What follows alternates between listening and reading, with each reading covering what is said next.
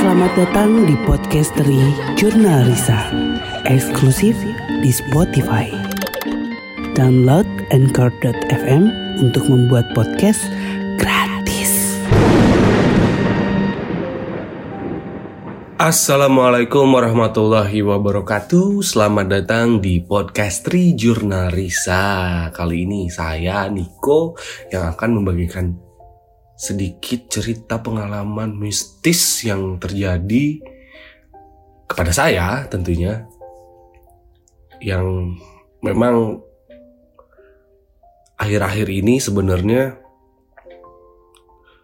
udah jarang saya mengalami hal-hal mistis.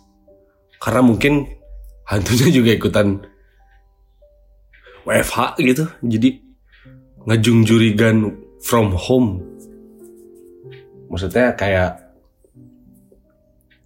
makin lama makin terbiasa gitu dengan adanya mereka sampai-sampai tuh tadi malam tuh sebelum saya bikin podcast ini saya melewati jalan Siliwangi. Saya sebut aja nih jalannya. Saya melewati jalan Siliwangi dari arah Cimbuleit. Jadi dari atas tuh turun sendirian di dalam mobil. Sampai sampai gandok tuh perasaan udah gak enak. Uh, mobil tuh agak, agak goyang gitu. Padahal saya sendirian. Mobil agak goyang, terus pas turunan uh, jembatan Siliwangi tuh pas mau naik ke arah um, Sabuga ya tiba-tiba dari atas atap mobil gitu kayak ada suara brek ah ini kayaknya ada yang naik nih. Pas saya lihat spion tengah bener aja sebelah kanan pas di belakang saya ada teteh teteh naik. Pantesan mobil goyang banget saya bilang. Terus saya teriak lah sendiri buka kaca saya teriak keluar gak keluar mana? Dia malah ketawa dan kalau ada kejadian kayak gitu biasanya saya langsung manggil Kang Mamat sih dan langsung dibawa kabur langsung diculik oleh Kang Mamat abis dari atas tuh udah gak enak perasaan udah gak enak mobil udah goyang banget taunya ada si Miss K hantu jelek dan si Mamat dengan senang hati membawa sosok itu gitu. Jadi kayak kalau ngelihat hal-hal kayak gitu udah dengan senang hati si Kang Mamat bawa sosok itu kayak ya udahlah bawa aja mat ganggu banget lagi nyetir takutnya kan fokusnya jadi buyar gitu kan karena saya sendirian gitu beda lagi kalau Ghost Cartour kan. Kalau Ghost Cartour kan berempat gitu. Kalau yang nyetir ya udah fokus aja nyetir. Walaupun sambil nahan-nahan itu kan kayak berat sebenarnya berat banget nahan cuman karena kita uh, banyak kan gitu berempat atau berlima jadi fok, uh, fokus saya ya udah nyetir aja gitu. Kalau ini kan saya sendiri nanti kalau ditowel kan males juga gitu di towel ah kayak kemarin tuh terakhir naik gunung Burangrang. Emang kayaknya udah lama banget nih nggak naik gunung Burangrang gitu ya. Terus pas begitu masuk vegetasi kemarin tuh udah persiapan dan segala macem masuk vegetasi udah mulai gelap. Pada saat itu start naik tuh jam 4 kalau nggak salah jam 4 setengah 5 lah. Dengan riang gembira saya bersama lima teman saya seneng banget gitu bisa naik lagi Gunung Burangrang walaupun eh, dari jalur yang berbeda yang dulu pernah saya daki. Memang nggak ada apa-apa. Cuman kayak kebayang cerita dan pengalaman waktu dulu gitu kayak lihat sosok Kunti hadap-hadapan dan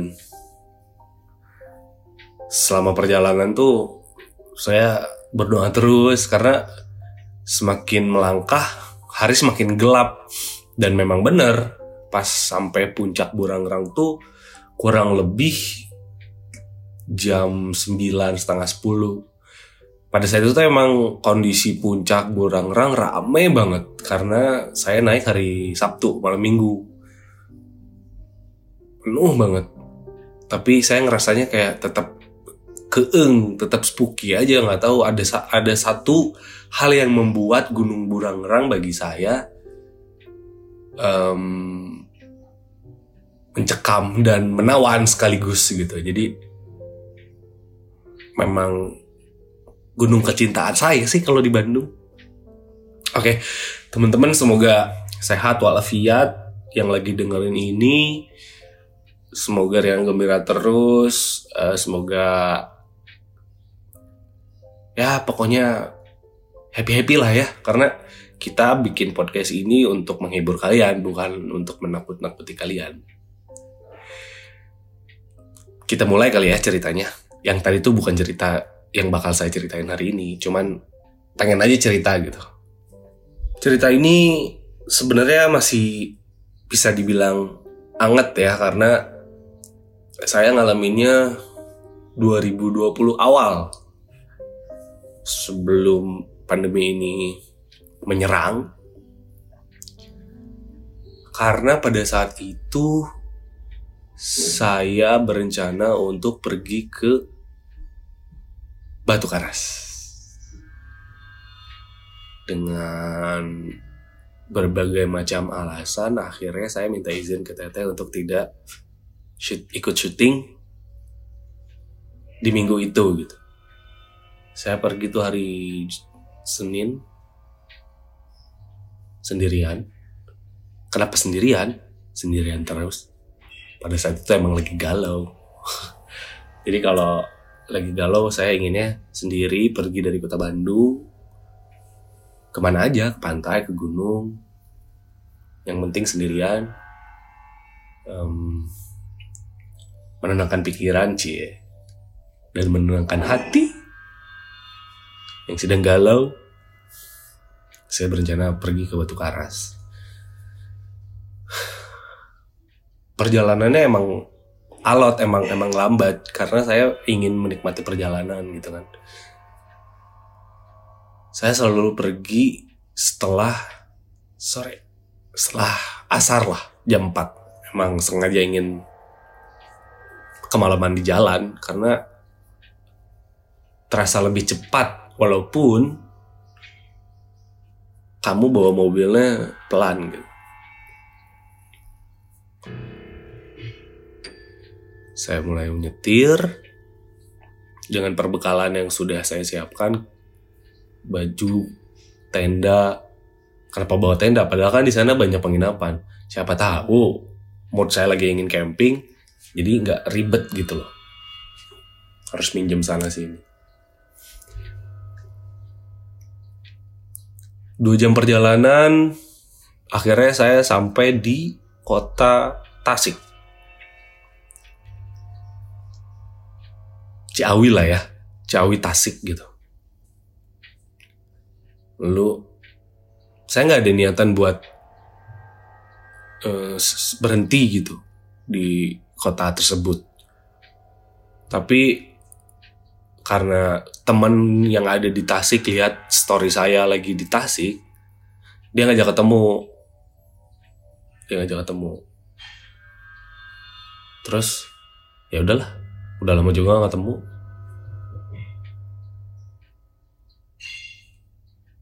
sampai akhirnya ya udah kita ketemu terus ngopi bareng dan entah kenapa saya berpikir bahwa ah kayaknya nginep dulu deh di Tasik sehari mah toh saya nggak buru-buru nggak ada yang dikejar juga gitu. Nyantai. Udah deh mulai nyari-nyari penginapan di sana. Sambil nanya-nanya nanya temen juga kan kayak setelah nyari-nyari sambil hai ketawa ngopi kita menemukan satu penginapan yang memang nuansanya saya suka banget bentukannya saya suka banget. Terus uh, vibesnya lah vibesnya tuh vibes jadul yang nggak bisa kalian temuin di kota gitu. Ya udahlah cocok nih. Harganya juga gak terlalu mahal pas lah di kantong. Akhirnya saya memutuskan untuk nginep di penginapan itu. Saya nggak bisa sebutin namanya tapi ciri-cirinya mungkin kalian bisa menerka ya sekitar jam 10-an saya mulai jalan gak jauh dari tempat kami ngopi. Memang rute perjalanannya juga kayak masuk-masuk ke desa gitu.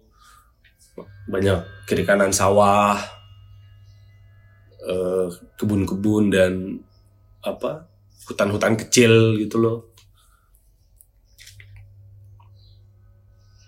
Sekitar 20 menit lah dari pusat kota Tasik gitu. Masuk-masuk. Dan akhirnya nemu deh.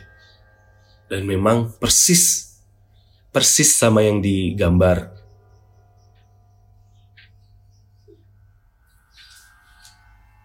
pintu masuknya melewati rimbunan pohon-pohon. Jadi di tengahnya tuh ada lubang. Nggak ada pagar. Masuk. Terus ada satu apa ya kayak gazebo gitu kiri kanan. Dan satu rumah bangunan yang agak besar. Saya pikir itu resepsionis atau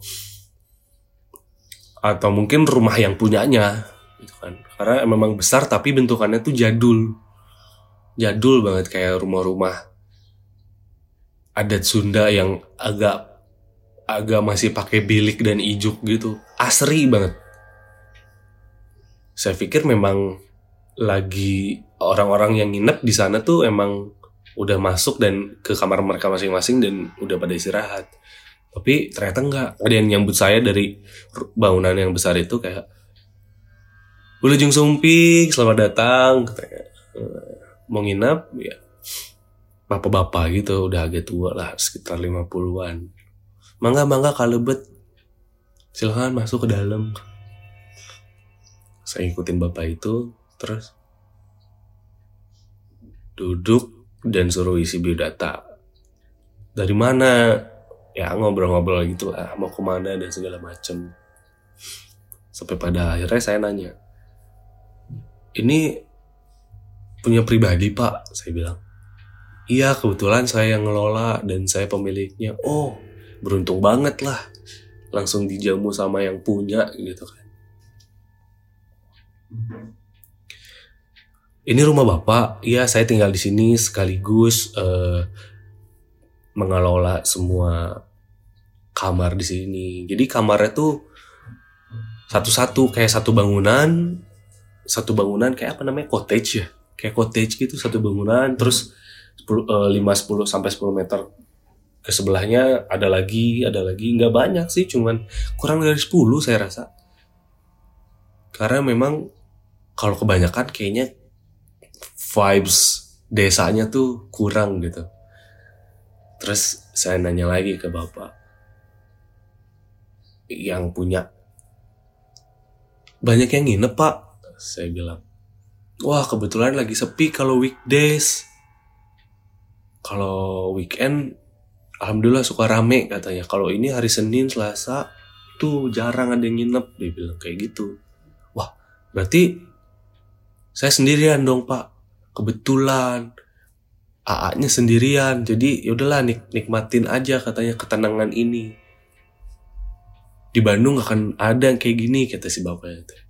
terus saya pikir kayak wah seru juga nih sendirian di desa di hotel di penginapan yang vibesnya desa banget gitu kan. Terus bapaknya sedikit cerita ya dulu tuh ini eh, hutan katanya. Terus saya beli karena kan di desa mungkin bisa mudah mendap eh, menjual beli tanah kayak gitu ya saya kurang ngerti juga terus bapaknya bilang kayak saya beli alhamdulillah dapat warisan dan segala macam segala macam. Akhirnya saya berpikir untuk membuat penginapan ini gitu yang beda daripada yang lain. Wah keren banget nih. Pengen cita-cita saya bilang pengen cita-cita nih pak punya yang kayak gini. Basa lah. Udah aja. Saya nanya lagi bapak tinggal sendirian di sini? Ya anak-anak saya udah pada keluar kota ada yang kuliah di Bandung juga ada yang kuliah di Jogja. Kebetulan di sini saya sendiri sama cucu saya dan ibunya dan anak saya yang paling pertama. Oh oke okay deh. Saya nggak mau nanya-nanya lebih lanjut lagi karena itu hal pribadi mungkin ya. Jadi ya udahlah. Saya masuk. Bapak itu nganterin saya ke cottage yang paling ujung karena saya emang pengen yang sepi-sepi lah gitu yang jauh dari keramaian gitu kan sebelum saya beranjak keluar dari bangunan utama untuk menuju ke kamar saya saya sedikit keliling dulu di area rumah itu dengan izin dari bapaknya. Yang bikin saya penasaran adalah di setiap ujung ruangan selalu ada patung-patung kecil yang bentuknya hampir semua hampir sama gitu loh. Entah di atas meja, di sudut ruangan, di atap, ditempel di dinding,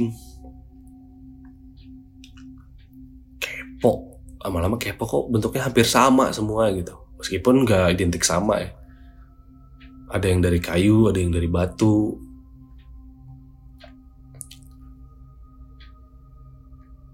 Ah besok aja lah nanyanya sekarang udah malam. Mungkin bapaknya juga mau istirahat. Besok kita kepo lagi saya bilang kayak gitu kan. Udahlah saya jalan. Jalannya tuh kayak jalan setapak. Kiri kanannya tuh kamar-kamar cottage cottage yang disewain. Persis kayak di kampung gitu lah kayak di desa terus bapaknya jalan duluan dan di, saya ngikutin di belakang gitu. Nah di setiap kamar di setiap pintu kamar tuh ada patung yang sama. Yang saya lihat di ruangan di gedung utama. Makin kepo kan kayak apa nih? Apa nih? Mungkin kalau hiasan mungkin bisa jadi gitu. Dia beli sekian sekian banyak terus untuk properti gitu. Tapi bentuknya tuh sama semua.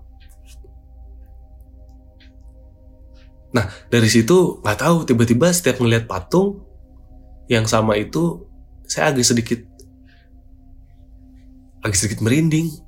Ada ada hal yang beda gitu. Kan yang buat saya kepo kenapa gitu. Biasanya kalau saya lihat sesuatu ah ya udah gitu tapi ini karena ada merinding dan itu yang membuat saya kepo. Akhirnya sampailah di di di kamar yang saya sewa. Saya buka kunci masuk dan ya udah memang memang jadul banget kayak masih bilik. Terus dingin nggak pakai AC tapi dinginnya dingin banget kan karena juga lokasinya rimbun banget di situ. Kamar mandinya masih dari lantainya tuh dari batu, terus gayungnya dari batok kelapa.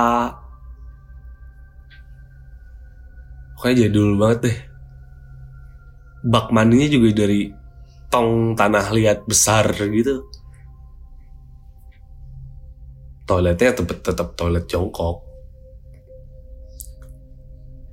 ada ada shower dan lain-lain cuman kalau kamu mau memilih untuk mandi pakai tong dan gayung dari batok kelapa bisa ada di mereka sediakan tapi pakai shower juga ada. Kayak jadul banget lah.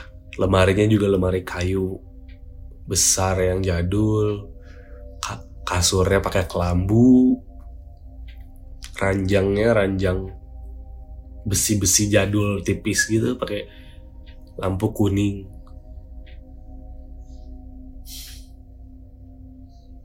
di depan ada dua kursi dan satu meja dari rotan gitu.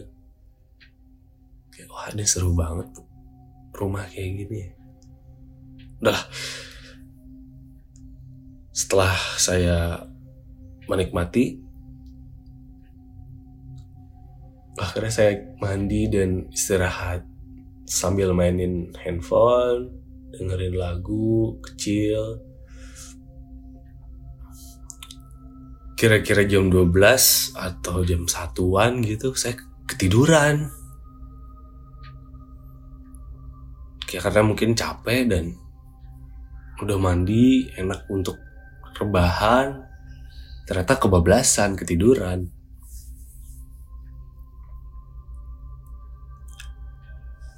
Pada saat tidur itu emang kondisinya agak sedikit gerimis mengingat masih di bulan bulan awal tahun gitu gerimis Gak tahu kenapa pada saat itu tidur tuh pulas tapi tidak gitu. Karena yang saya ingat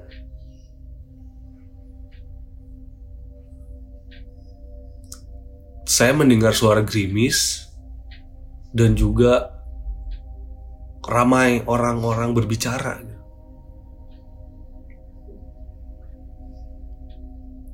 Entah itu mimpi atau emang dari luar gitu, tapi kedengarannya cukup jelas, kedengarannya cukup cukup cukup cukup jelas, cukup jelas banget. Kayak, eh ke mana ke mana ke mana, eh, eh, eh whatever, gitu lah kayak bergumam tapi ada satu dua kata yang kedengeran. Di tengah-tengah keramaian itu kayak ada de, saya mendengar suatu satu jeritan anak kecil perempuan gitu kayak. Teriaknya kayak ah nggak mau nggak mau aku nggak mau masuk nggak mau nggak mau masih ada di situ nggak nggak mau masih ada di situ. Saya kayak gitu terus kedengarannya sambil riuh orang-orang berbicara makin keras makin lama saya kebangun.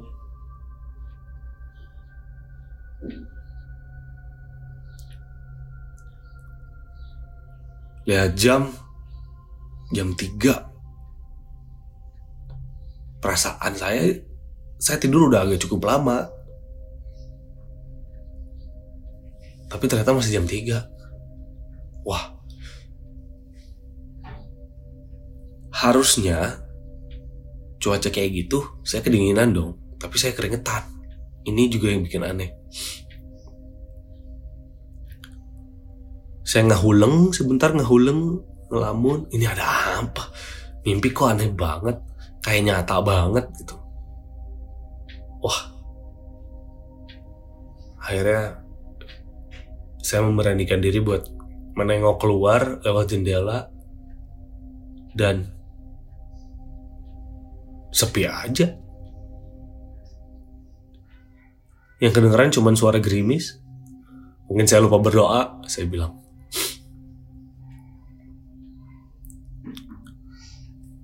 Saya coba tidur lagi deh. Kali ini saya benar-benar tidur sambil berdoa.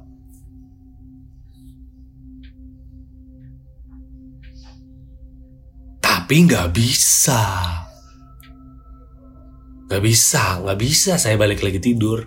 Mau posisi kanan, posisi kiri, mau terletang, tengkurap. Susah banget. Sampai pada akhirnya makin subuh makin dingin kan.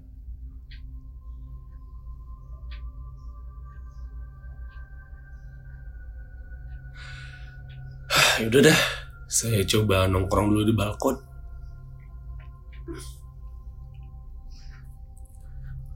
Sambil minum teh anget gitu kan. Rokok. Ngelamun. Sambil mikirin itu suara dari mana? gitu. Apakah mimpi? Tapi kalau mas kalau mimpi tuh kayak nyata banget gitu. Itu yang terus saya pikirin. Apa ya? Gak lama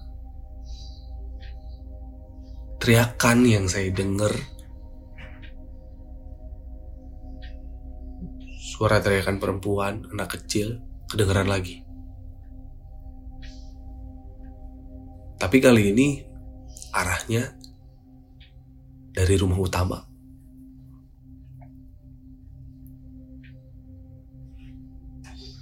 Jaraknya cukup jauh tapi suaranya begitu latang dan keras terdengar di, telinga saya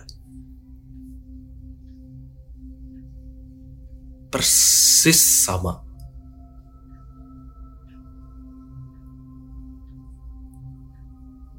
saya kaget berdiri langsung nengok ke arah rumah utama dan lampunya kok pada nyala.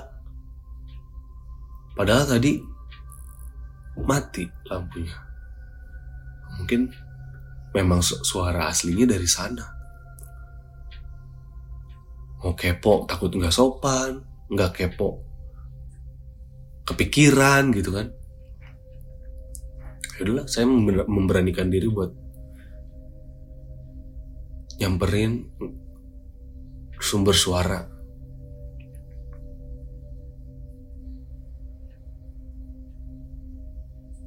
begitu sampai di depan pintu saya nggak mikir panjang nggak ngetuk karena nggak ada orang. Mengingat si bapak itu hanya tinggal bertiga di rumah itu. Jadi saya main nyelonong boy aja masuk gitu dan ada satu pintu pertama dan satu pintu kedua. Pas saya lihat di pintu kedua mereka bertiga lagi ada di ujung pintu kasat sebuah kamar sambil si anak kecil itu nunjuk ke dalam kamar. Aduh, merinding eh. Gak lama si bapaknya ngeliat dan ah sini masuk. Entah kenapa saya disuruh masuk gitu pada saat itu.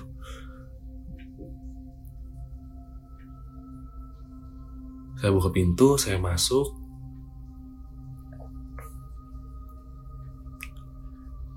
mendekati mereka bertiga mendekati kamar tersebut dan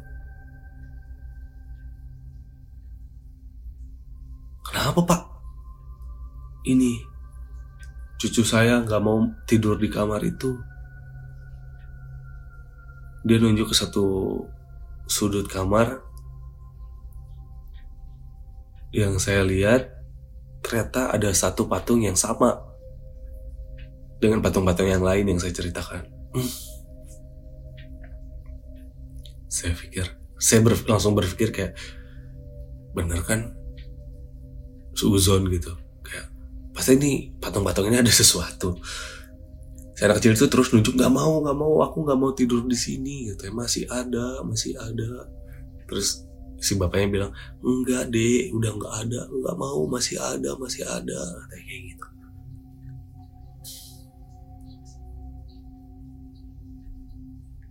saya memberanikan diri untuk lihat dan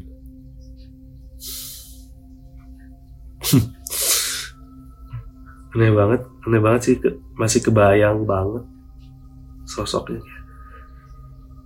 Sosoknya sosoknya kayak perempuan kayak kuntilanak tapi tinggi besar kukunya panjang sampai sampai nyentuh lantai. Terus kayak kepalanya juga mengayun ke lantai. Lehernya tuh panjang banget, lehernya tuh panjang banget sampai sam, sampai kepalanya tuh hampir nyentuh lantai. Wah ini merinding banget sih, maaf maaf. Masih kebayang. Pantesan ini anak kecil takut histeris banget ngeliat ke sudut itu gitu kayak saya aja sampai mau pingsan. Karena memang aneh banget bentuknya gitu. Terus saya, saya bilang ke bapaknya, Pak, Pak, udah tak, eh, suruh keluar aja anaknya pak. Jangan tidur di sini gitu bapaknya senyum. Nggak tahu kenapa senyum sama saya. Bapaknya senyum. Terus yaudah akhirnya ibu anak itu dan anak itu dipindahin keluar dulu. Terus saya dan bapak itu memberanikan masuk ke kamar dan tiba-tiba lagi si bapak itu bertanya kamu lihat ya A? Mau bohong. Dan saya emang lihat mau jujur saya takut disangka sok-sokan gitu kan. Ya, saya senyum doang kayak, "Ah, ya sebenarnya bapak juga dari tadi lihat katanya. Cuman memang salah bapak sendiri. Nyimpan patung ini di kamar cucu saya. Sebenarnya karena udah gak ada lagi tempat untuk nyimpannya jadi saya simpan di kamar ini gitu. Dari situ saya saya masih nggak bisa mikir gitu. Ini tuh apa? Sebenarnya patung-patung ini tuh apa gitu. Udahlah akhirnya kita berdua angkat patung itu emang emang agak cukup berat sih. Kita angkat patung itu kita keluarin.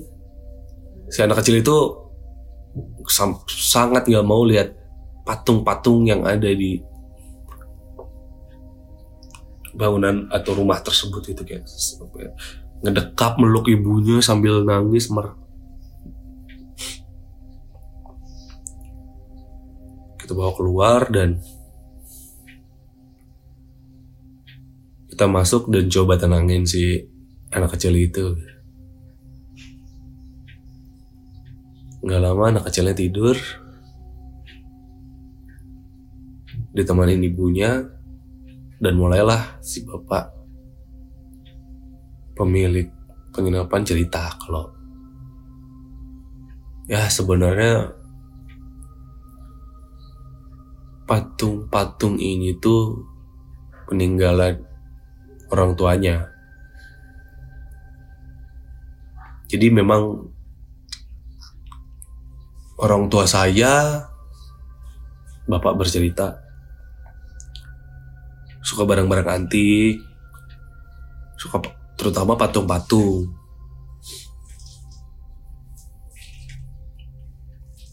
Kenapa di sini banyak patung? Orang tua saya koleksi dan sebelum orang tua saya meninggal, beliau berpesan bahwa patung-patung ini jangan sampai berpindah tangan. Pantesan, saya bilang. Tapi pak, kenapa hampir semua bentuknya ini sama? Ya, karena ternyata ada cerita di setiap patung ini dan cerita itu tuh nyambung dari patung satu ke patung yang lainnya. Saya pun nggak ngerti cerita itu apa, karena ya saya orang tua saya belum sempat cerita. Saya kan nggak ngerti, kata si bapak. Ya udah saya ikutin aja, saya turutin aja, tanpa tahu ini tuh apa, batu eh, patungnya dari mana, manfaatnya apa, hubungan antara satu batu dan eh, satu patung dan patung yang lainnya itu apa, saya tidak ngerti. Tapi yang jelas patung ini gak boleh pindah tangan, kecuali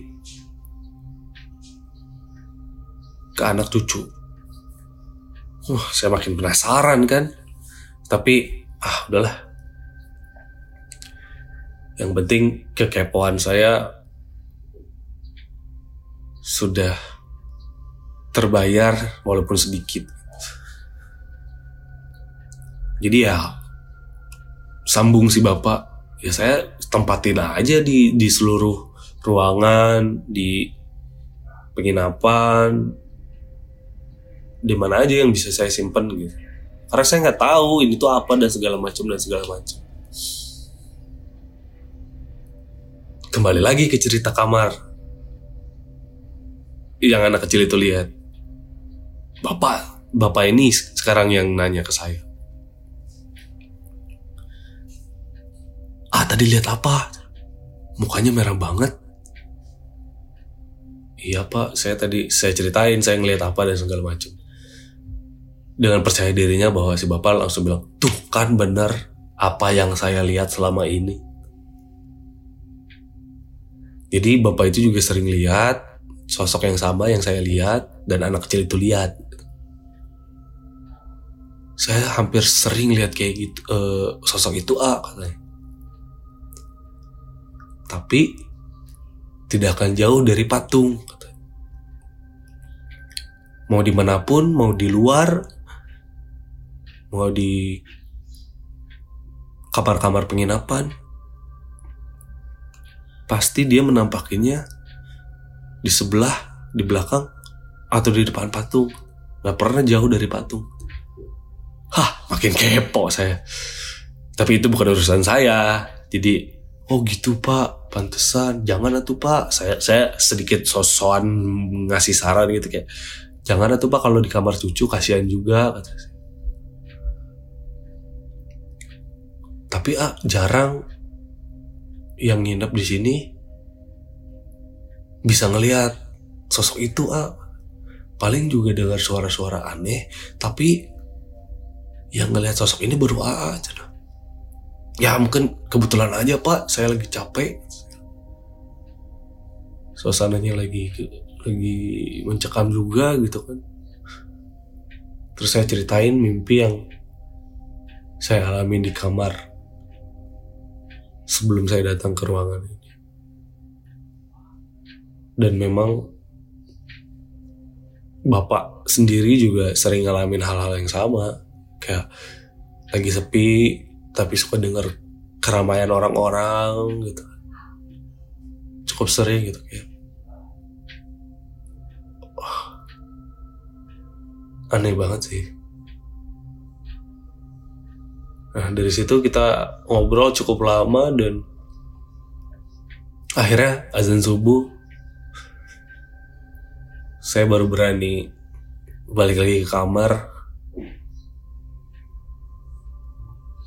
dengan perasaan yang masih kepo dengan patung-patung itu dengan perasaan yang masih kacau ketakutan iya galau iya gitu kan tapi udahlah akhirnya siang jam sekitar jam 12-an saya melanjutkan perjalanan saya pamit ke si bapaknya dan bilang terima kasih dan melanjutkan perjalanan menuju, Batu Karas. Sampai saat ini saya belum balik lagi ke sana. Eh, nantilah. Mudah-mudahan ada kesempatannya lagi. Nginep lagi di sana, ketemu lagi sama si bapak. Cerita-cerita lagi. Siapa tahu nemuin hal-hal yang aneh lagi. Itulah cerita saya kali ini. Terima kasih buat teman-teman yang sudah mendengarkan. Assalamualaikum warahmatullahi wabarakatuh. Podcasteri Jurnal Risa eksklusif di Spotify. Download Anchor.fm untuk membuat podcast.